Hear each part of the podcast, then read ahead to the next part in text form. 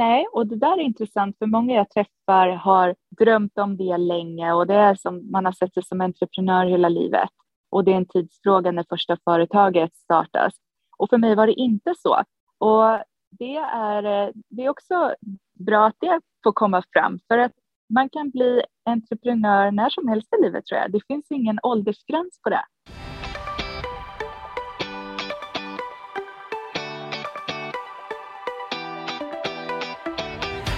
Hej och hjärtligt välkommen till Päronsnacket. Podden där päron snackar just om föräldraskap och karriär. För kan man verkligen ha en karriär och vara förälder samtidigt? Ja, det är just det vi ska ta reda på genom att jag, Klara Maria Mach, intervjuar framgångsrika föräldrar om hur de tänker kring detta ämne. Så nu kickar vi igång. Varmt välkommen!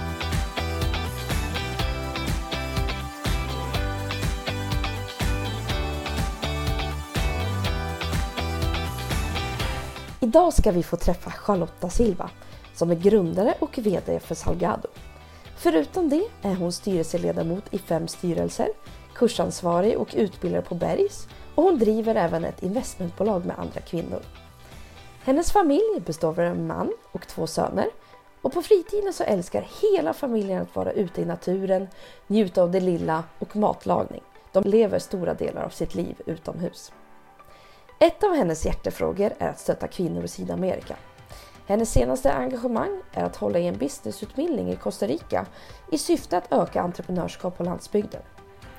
I dagens avsnitt så snackar vi vikten av närvarande föräldrar och en stabil vuxen, innebörden av passion, närhet till familjen och relationer till människor. Vi diskuterar även kring digitala verktyg och småbarn, men även hur Lottas inställning ”det kommer som det kommer” har gjort henne starkare. Varmt välkomna till dagens avsnitt.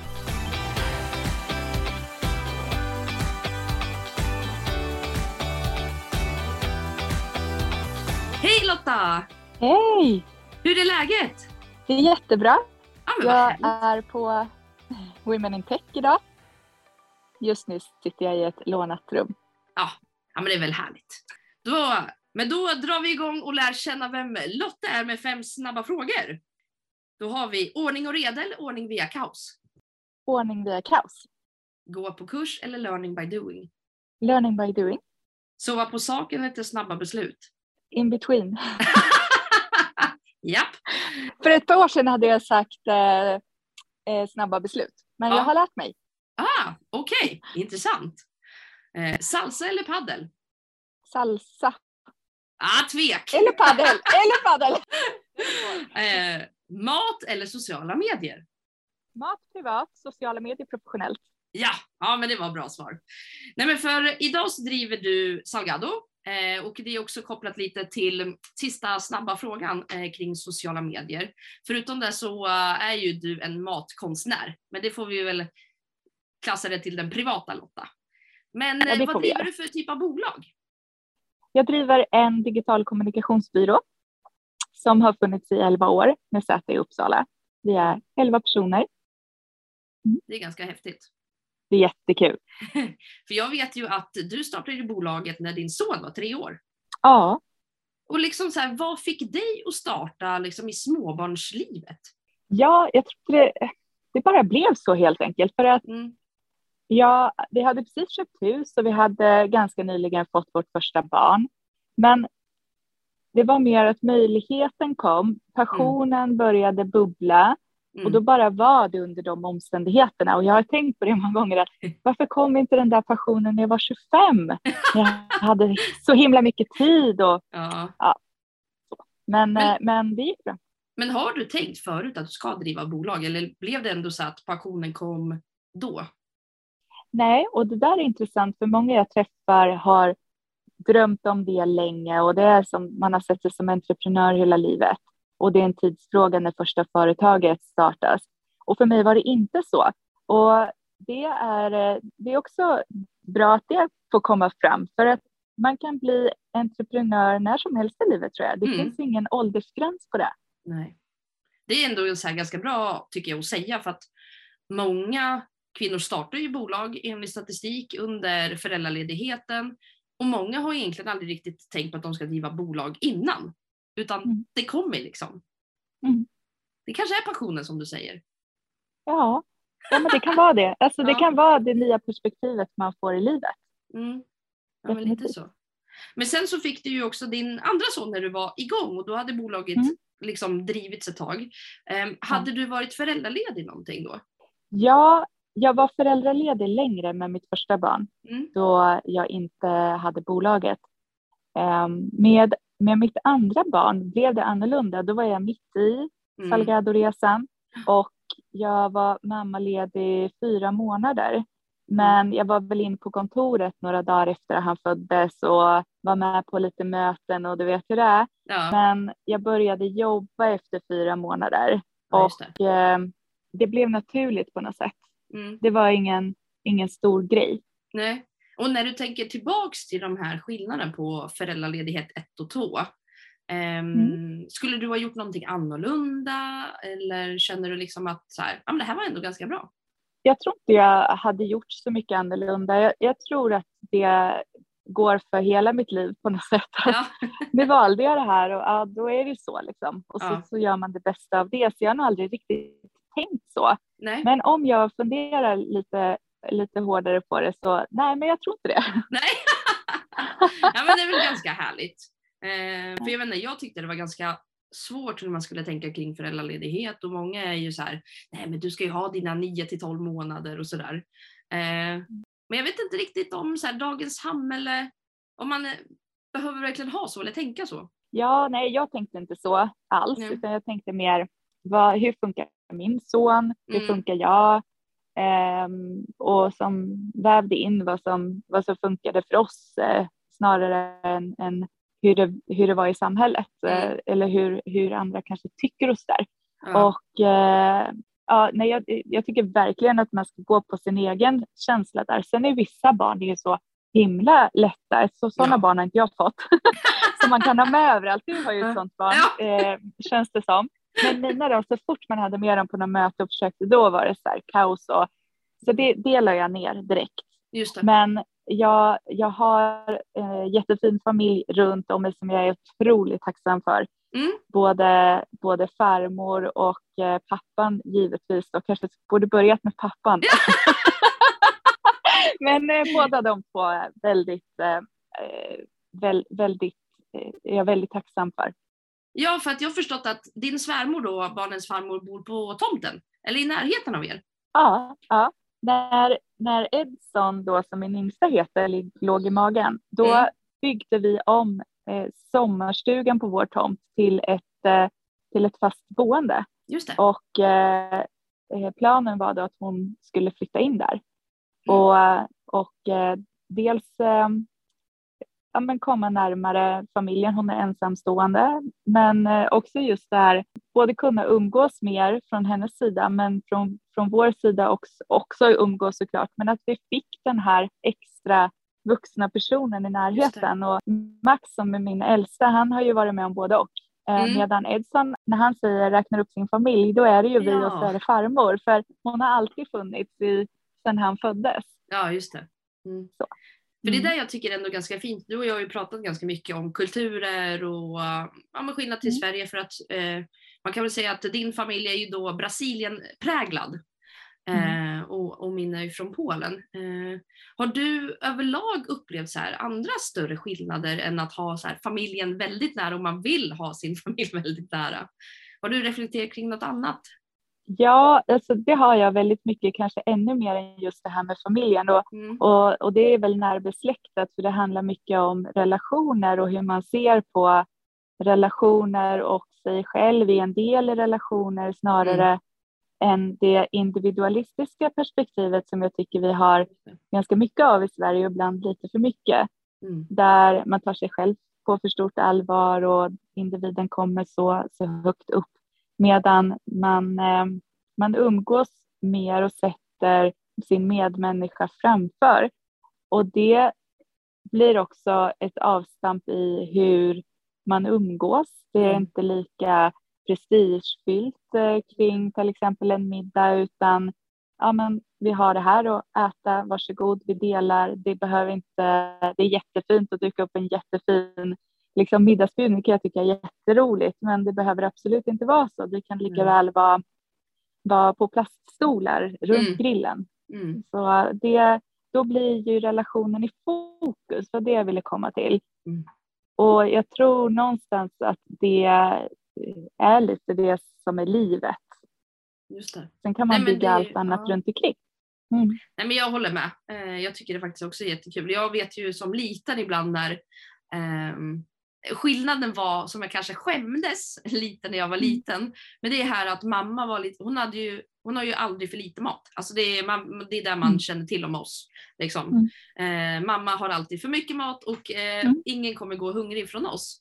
Mm. Men jag kommer ihåg någon gång när vi var mindre eh, mm. och mamma bjöd mina kompisar på mat och det var liksom inte nylagad mat utan det var massa olika rester som hon hade plockat ihop och liksom så här.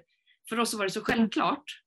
Men jag vet att det inte var så självklart för mina vänner. Så det kändes bara så pinsamt, kommer jag ihåg från min barndom. Mm. Medan nu så är det lite kul, det blir lite som tapas. alltså. Ja, absolut. Man lär sig uppskatta det där som man mm. då kanske tyckte för att det var annorlunda. Så blev det Exakt. pinsamt när man var liten. Ja. Om man går tillbaka till det här med, med relationer och så. Mm. Nu är jag ingift i en brasiliansk släkt. Mm. Och eh, där, vi har också bott i Brasilien och där, där är ju mycket det här som jag beskrev. Men det har också legat i mig väldigt naturligt. Jag blev lite sur på min mamma och pappa för att vi hade så sällan gäster hemma. Mm. Och eh, jag tyckte att all typ av eh, torr och basvaror ska finnas i skafferiet så man kan laga vad man vill när som helst. Och så sa jag så här eh, till mina föräldrar att när jag flyttar hemifrån då ska jag ha alla varor jämt i skåpen och jag ska ha gäster hemma jämt.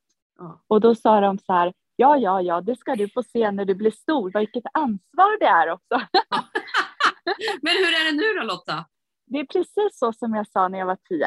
Mm. Ja, men precis. alla basvaror, alla kryddor och ofta väldigt många, många liksom gäster hemma. Mm. Både, både planerat men framförallt oplanerat.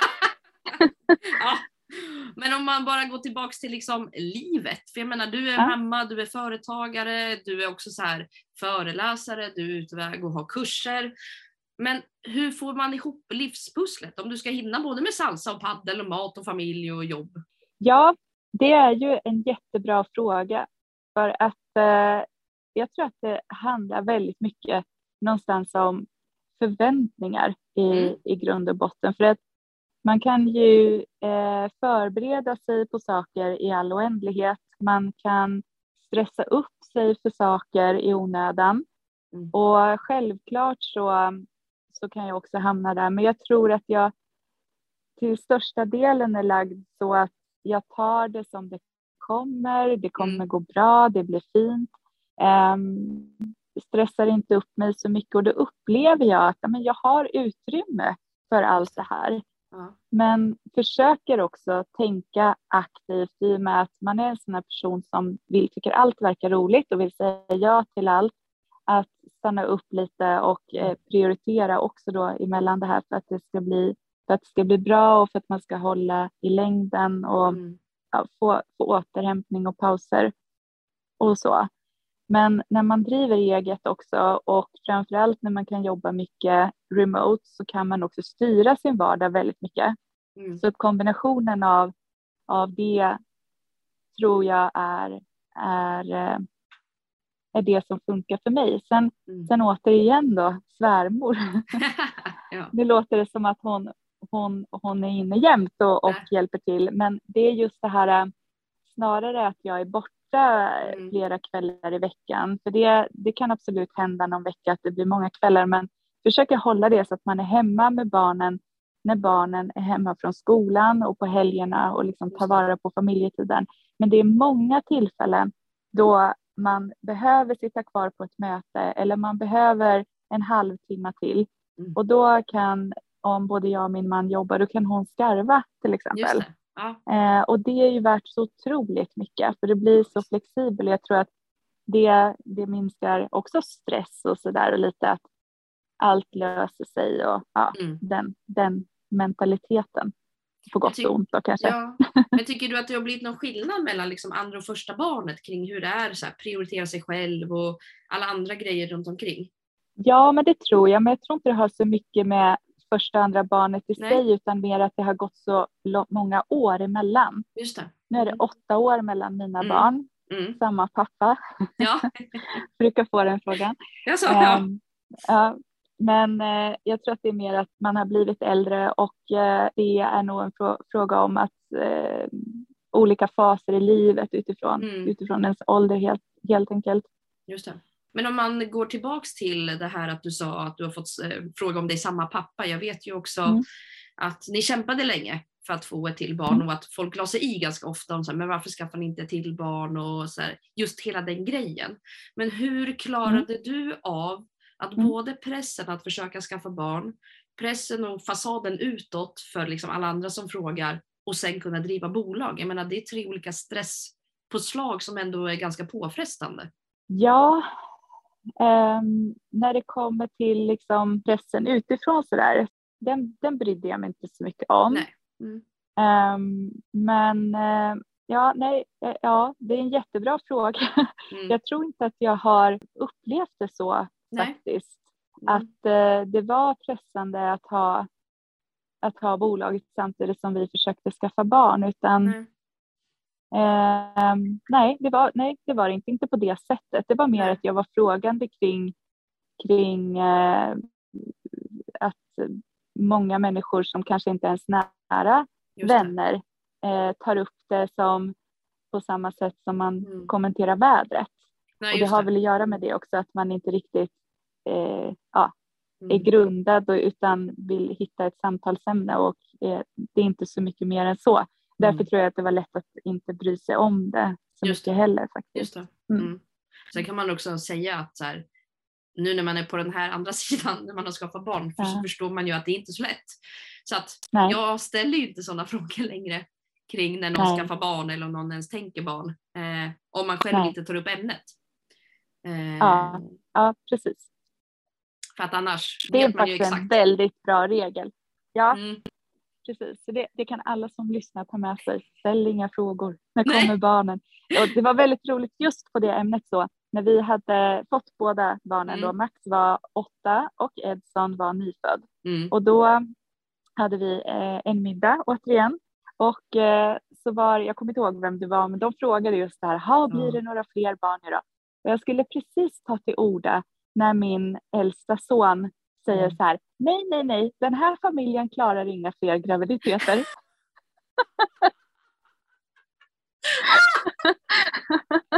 så var det i världen. ja, nej men det, då är det så. Ja. Och det har väl att göra med att jag var ganska dålig när jag var gravid. Ja. Um, både, både psykiskt och fysiskt. Mm. Ja, det, var, det var jobbigt. Ja. Jag längtade efter eh, första graviditeten mm. och bävade inför andra. och så tänkte ja. jag inför andra graviditeten så här att ja, men nu har det gått åtta år och jag är mycket ja. äldre, klokare. Jag kommer kunna hantera de här hormonerna så att även om jag bävar för det så tänkte jag nu kommer det gå bra. Och så blev det ju värre än första. ja, pepp för barn nummer två. Men vi är alla så himla olika. Så, ja, så är det. Eh, yes. Men eh, apropå olikheter då, har du blivit annorlunda som mamma och företagare efter första och andra barnet? Eller är det, tror du att det kan handla om, men, men lite som du sa, livsfaser och lite vart, livsskeden, vart man är någonstans?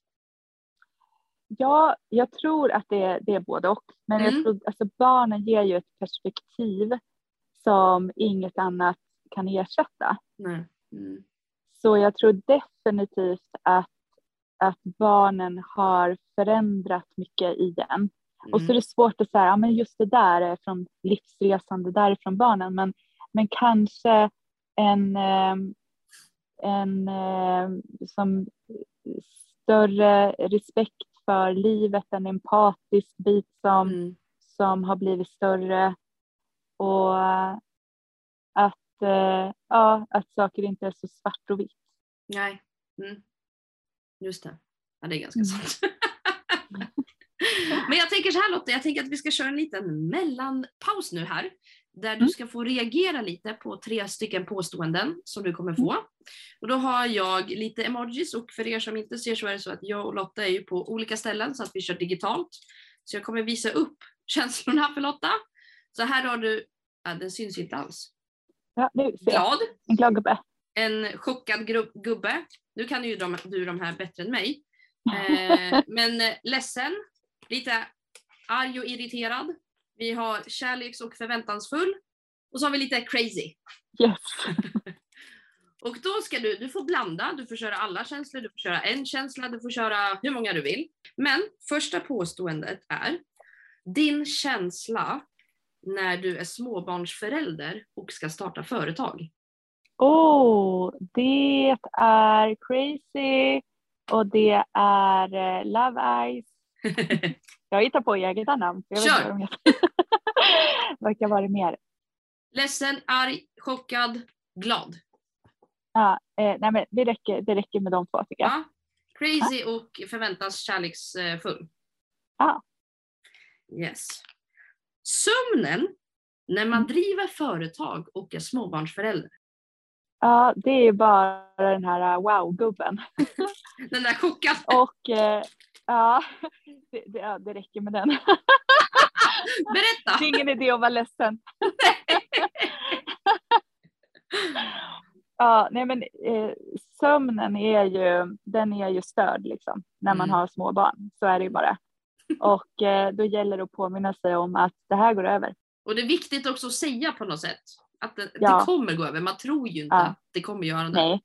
Nej, exakt. Man tror ju ett tag att okej, okay, nu sover jag några timmar per natt eh, på sin höjd och så här kommer det vara resten av livet. Eh, det är ju känslan man bär och då får man ju påminna sig, men vänta nu, det här, det, det blir bättre. ja. Och sista påståendet Lotta, egen tid när du har småbarn och är företagare? Eh, det får bara en sån love eyes tror jag. Mm. Ja, jag det får också gärna förklara. Jo, nej men eh, just det här att eh, jag tycker må många har ju svårt för att hitta egen tid. Men det kan ju handla om vad man lägger i definitionen som egen tid också. Mm. Mm. Jag kan tycka att eh, när man sitter i bilen så har man ju egen tid. Ja. Alltså alla de här stunderna för reflektion, det behöver inte vara att dra iväg på ett spa eller så. Mm. Eller att man går upp tidigare än alla andra och tar en promenad eller åker till gymmet eller så. Mm. Men också såklart att man unnar sig en kväll med tjejerna eller vad det nu mm. kan vara. Mm. Eller, eller dejt med mannen och så. Ja. Mm. Fast då är det ju inte egen tid i och för sig, då är det ju tvåsamhet. ja, ja. eller, men, ja, det, ja. Som sagt, egen definition på den här frågan. Precis, men om man, så här, om man uppskattar alla stunder då man är själv och då man kan använda den stunden till reflektion, ja. då är det mycket mer än vad man tror på en dag. Mm. Ja, men som jag sa i tror jag, första avsnittet med Bonnie, det är att för mig har det varit nu när jag åkt så mycket fram och tillbaka mellan Uppsala och Stockholm tåg, mm. när det väl funkar får man väl säga, eh, mm. då den stunden är mm. ju så att jag, får, jag väljer ju att antingen så sitter jag och jobbar eller så sitter mm. jag och bara andas på något sätt. Mm. Jag har inte ens musik, ingen podd, ingenting utan bara kollar igenom Nej. fönstret och bara ja, men så här, reflektera. Ja. ja men precis, reflektion ja. som du sa. Ja, ja, jättebra. Det är ju magiskt. Ja, älskat. så efter det så blir det så att man hinner landa lite. Ja, absolut. men jag tänker ehm, en annan sak eh, som ibland många kvinnor som driver bolag eller är karriärskvinnor känner, det är att man eh, ibland kan få den här skulden över att inte vara den här perfekta mamman. Mm. Har du någonsin upplevt det? Um, det har jag säkert. Mm. Men det är inget jag går och tänker på. Nej. Eh, faktiskt. Mm. För men, eh, jag tycker att man gör så gott man kan. Mm. Och jag tänker att eh, så länge mina barn får uppmärksamhet, eh, blir sedda och får kärlek eh, av mig, pappa, andra vuxna i deras närhet så kommer de klara sig alldeles utmärkt. Mm. Um, och då det är inte så himla noga allt annat på något vis för att jag vet inte, ibland kanske det handlar mer om, om en själv som vuxen, att det ska vara aktiviteter eller olika saker och sådär medan mm. det är rätt skönt att landa i att ja, men barnen behöver ju en närvarande förälder. Så det, det är väl det i så fall som jag kan kämpa med lite, att inte ha några di digitala devices i närheten som tar uppmärksamheten. Mm. Och försöka vara närvarande på riktigt mm. de timmarna man är med barnen varje dag. Och det, alltså det är man ju inte jämt, så är det ju. Mm. Eh, men där kan man alltid bli bättre. Och det, det försöker jag tänka på. Mm. Men jag tänkte, då, då vill jag just ställa en liten följdfråga kring det här med digitala apparater och grejer. För jag menar, mm. med tanke på vilket bolag som du driver och mm. föreläsningar som du har och sådär. Eh, vad är din inställning till att ha alltså så här, jag menar, digitalisering för småbarn? Ja, den är, eh, alltså på ett sätt är den tudelad men på ett sätt inte. Men den blir tudelad i den här debatten som mm. förs nu som är ganska onyanserad. Eh, för mig handlar det väldigt mycket om vad man gör när man är liten mm. framför skärmen. Mm. Det handlar mycket om att vara delaktig som förälder. Ja. Det finns eh, miljoner olika sätt att använda en skärm på. Mm. Mm. Eh, du kan vara kreativ och du kan eh, få, få utlopp för kreativitet. Eh, du kan lära dig saker. Eh, mm. det kan vara saker som är moralstärkande. Mm. Men det kan vara allt också som är tvärtom. Så det. det. är som en kniv eh, mm. som, som kan rädda liv om du sätter den i handen på en doktor. Men, men om man säger så här så jag tror att man kan behöva beroende på alla barn är olika. Mm. Och vissa barn kanske ändå i det här, om den här nyanseringen får komma fram mera mm. och i samtal tillsammans med barnen kan det ändå vara så att man behöver ha någon form av skärmtid. Mm. Eh, men så, som jag försöker prata med mina barn så vill jag att, liksom bygga in ett naturligt, en naturlig balans där alla delar i livet får plats. Just mm.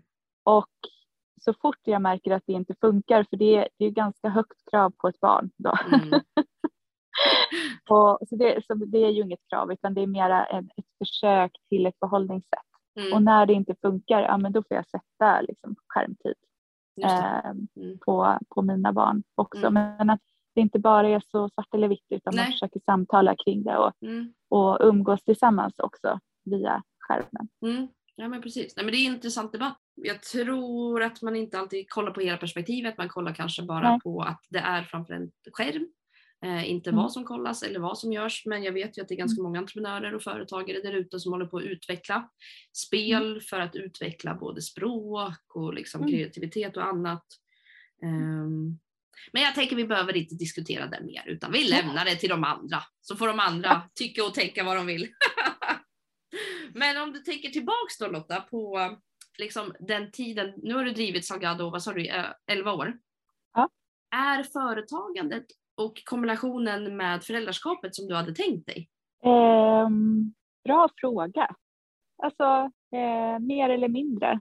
Mm. Det är ju en stor skillnad tycker jag på när barnen är pyttesmå mm. och när de blir lite större och allting blir bättre. Ja. kan man säga.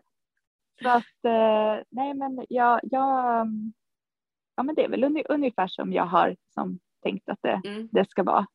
Ja. Men det roliga med dig tycker jag det är att du är lite sån här person som Ja, men jag tror att du också sa det i början, att så här, du tar det lite som det kommer. Att man behöver inte ja. hålla på och planera och strukturera så mycket utan Nej. det blir som det blir. Eh, ja. Och det är det jag tycker är så roligt också när man, eh, ja för er som inte har varit så tycker man ska gå och hälsa på Lotta och hennes gäng i Uppsala för det är så skön stämning också att se på kontoret. Att så här, det är ju liksom, det är Lotta som andas i alla medarbetare och hela lokalen som ni har. Eh, mm. Så det är så härligt. Vad roligt. Så det är det jag tänkte också, så här, men är det så att du alltid har varit så, så att det har kommit någonting från barndomen, eller är det någonting som du har utvecklat nu på senare år, liksom din, den här inställningen? Eh, jag tror att det är, alltså vissa delar har alltid funnits hos mig. Så. Mm. Mm. Um, men jag tror också att min tid i Brasilien när vi bodde där i två år, jag och ja. min man, Ja. Det präglade också en Just hel del. Ja. Um, och för, alltså, man tänker, så jag var mer en, en riktigt röd person Mm. som, eh, du vet så här, eh, ja men eh, jag har ju rätt. Eh, och eh, tyckte det kanske var svårare att förstå andra perspektiv och sådär. Mm. Mm. Och så träffade jag min underbara man som precis tvärtom. Ja. Så kommunikationen mellan oss de första åren, när han pratar i gåtor och jag förstår bara när man säger ett ja, ett ja, ett nej, ett nej. Ja. Det var som, det var kaos. Ja. Och sen så har jag då lärt mig mycket av honom Mm. att eh, förstå de här olika perspektiven, ha ännu mer empati för saker och ting, att eh, Mm. det är inte som my way or the highway. Nej. Så Mm. utifrån den aspekten så har, har det liksom vuxit fram under, under många år. Mm. Ehm, men med vissa delar som ja, det ligger naturligt i, i mig sedan Ja. barnsben. Mm. Ja, det är ganska roligt. Men visst är det så att din man är också företagare? Ja, Mm. det är han. Eh, men han, eh, han gör lite olika saker. Mm. Så ja. eh, dels är han enmansföretagare Mm. och han ska plugga nu också. Han jobbar. Mm. också utöver det med, eh, med ungdomar och Mm. hjälper ungdomar att komma rätt i livet. Just det. Ja. Och det är just det som han ska plugga i Ja, höst. Då. ja. Så, så han, är, han, han, han gör lite av varje, lite Ja. mångsysslare. Ja. Men du, du, jag måste också bara framhäva det här att du har ju också jobbat väldigt mycket ideellt eh, Mm. med att, alltså egentligen i Sydamerika väl, både med barn och kvinnor och liksom se till Mm. och hjälpa mycket communities där nere. Eh, Mm. och, och är det också så här någonting som du började med när du träffade din man eller är det någonting som du har börjat nu på, alltså innan? Ja, alltså så här var det. Då vi faktiskt rent praktiskt flyttade ner till Brasilien, det var Mm. när vi hade varit tillsammans i tre år. Mm, Eh, och eh, då var jag bara 22 år. mm, Så att eh, jag hade inte hunnit göra någon sån grej innan. Men mentalt så har det funnits så länge jag kan komma ihåg. För mina föräldrar var och ute och arbetade i Honduras på slutet på 70-talet. just det. Så jag är gjord där men inte född där. tycker- fattar, Om fattar. jag någon gång ska ha en tatuering, vilket jag Ja. inte ska, men Nej. då skulle jag ju tatuera in i nacken Made Ja. in Honduras. Då. Ja. Så, Fattar. men så att jag har som med mig alla de här historierna kring, Mm. kring den här typen av socialt arbete och jag minns Ja. så väl när jag var liten att jag som funderade över, eh, alltså det låter lite konstigt när man säger det men, men att jag, jag önskade nästan eller fantiserade om att det dök upp en familj eh, eller två barn på trappen och bad dem att få hjälp Mm, eh, och hur jag skulle hjälpa dem. Så mm. jag liksom planerade hur jag skulle dela av mitt rum och jag planerade vilka Nämen. leksaker jag skulle ge bort och vilken Mm. mat man skulle kunna laga och sådär. Mm. Och så visste jag någonstans att det kommer ju inte hända men om det hände så jag tyckte så mycket om att fantisera hur jag skulle Mm. göra. Mm. Så eh, väldigt tidigt så började jag ha fadderbarn och det Mm. hade jag redan innan jag träffade Allan då. Mm. Men när jag och Allan blev tillsammans så skaffade vi ett gemensamt fadderbarn också Ja. i den organisationen som vi sen åkte ner och arbetade för. Just det. Men varför är kvinnor och barn så viktigt för dig? Kvinnor och barn är ju eh, de mest utsatta, särskilt i, i när det kommer till, till eh, eh, ja, men u-länderna. Eh, Mm, och mm. eh, som till exempel nu i det här eh, projektet som jag precis har, har gått in i Costa Mm. Rica så fick vi, vi var nere där, vi fick träffa många av de här familjerna som, som verkligen kämpar på. Mm. Och i fattigdom så, och i de här länderna så är det en machokultur och det är ofta männen som försörjer familjerna. Men tyvärr så går pengarna de tjänar till alkohol och droger. Mm. Och i det här projektet som vi jobbar med nu så handlar det om att stötta kvinnorna, stärka kvinnornas självkänsla och att eh, uppmuntra till entreprenörskap. Mm. Så en kvinnoentreprenörsförening och en syförening har startats av en kvinna som heter Marine som bor och jobbar där nere. Mm. Och det som händer är att när kvinnorna får eh, liksom makten över försörjningen, då går det till barnen. Då får barnen ta del av det på ett helt annat sätt. Mm. Och jag tror att det är en väldig kraft i att, att då jobba med kvinnorna på det sättet. Mm. Ja, det är ganska häftigt. Det är mm. jätte, som sagt, det är lite det här Lotta i ett nötskal för mig. Att du mm. tänker på så mycket alla andra än, än dig själv på något sätt. Men du hinner med dig själv också. Verkar det som. Ja men, ja, men tack. Ja, jo, men det får man säga. Men om, jag eh, behöver tyvärr avrunda. Men eh, jag har ju några sista frågor till dig. Mm. Eh, om du ska ge tips till en person som är just nu i småbarnslivet och känner att så här, de har hittat passionen som du har hittat mm. och vill starta företag. Hur, hur ska man tänka? Eller vill satsa på sin karriär för den delen? Ja, jag tycker ju lite det här som mantrat att ja, men det behöver inte vara så ordnat utan mm. ta det lite som det kommer och våga. För det är mm. oftast det som är den här första tröskeln att komma över, att man inte känner vågar jag det här och lite som vi pratade om förut, inte ta allt på för stort allvar. Det, mm. det gör ingenting om man misslyckas med någonting heller, utan testa. Det är mycket bättre. Mm. Eh, för du kan ju faktiskt lyckas och du har väldigt, väldigt goda chanser att lyckas. Mm. Um, så, och om inte annat så kommer du utveckla dig och lära dig massa saker. Så, så eh, det är ju ett modeord att säga våga. Men med det, om man utvecklar det lite grann så är det mer att gör bara. Du behöver inte ha allt så, så rätt och, och utstakat. Mm. Ja men helt rätt. Jag håller bara med. Men mm. det var ju inte sista frågan min vän. Jag har ju också frågan ur burken. Eh, och där är det ju då att tidigare gäster har skrivit en till två frågor, läggs i en burk och jag tänker så här, jag gojsar runt lite och när du säger stopp så kommer jag dra upp och läsa en fråga för dig. Mm. Så får vi se lite vad det blir. ja, vad kul! Spännande. Då säger jag stopp. Stopp. Då fick du en, den största lappen. Då ska vi se. Oj! Har du gjort någon tråkig vardagssyssla lite rolig? Och på vilket sätt? Ja, jag skulle säga att jag dansar när jag lagar mat, men jag tycker inte matlagning är tråkigt. Så det, det följer där. Ja. Eh, någon tråkig vardagssyssla?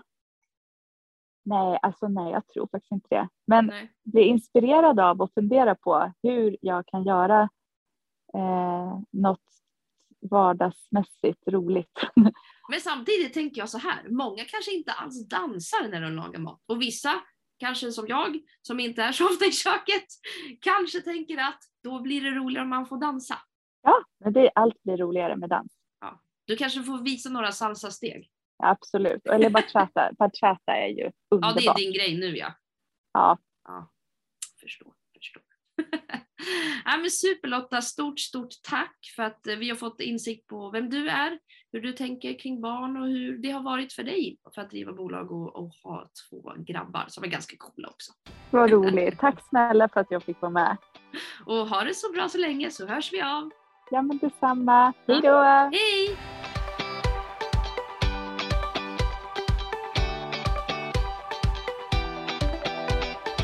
Du har precis lyssnat på Päronsnacket med mig, Klara Maria Mach. Gillar du podden får du gärna prenumerera och recensera. Kika gärna in Päronsnackets Instagram för att säga hej, tipsa på vem du skulle vilja ha med i podden eller om du bara vill dela med dig av din historia.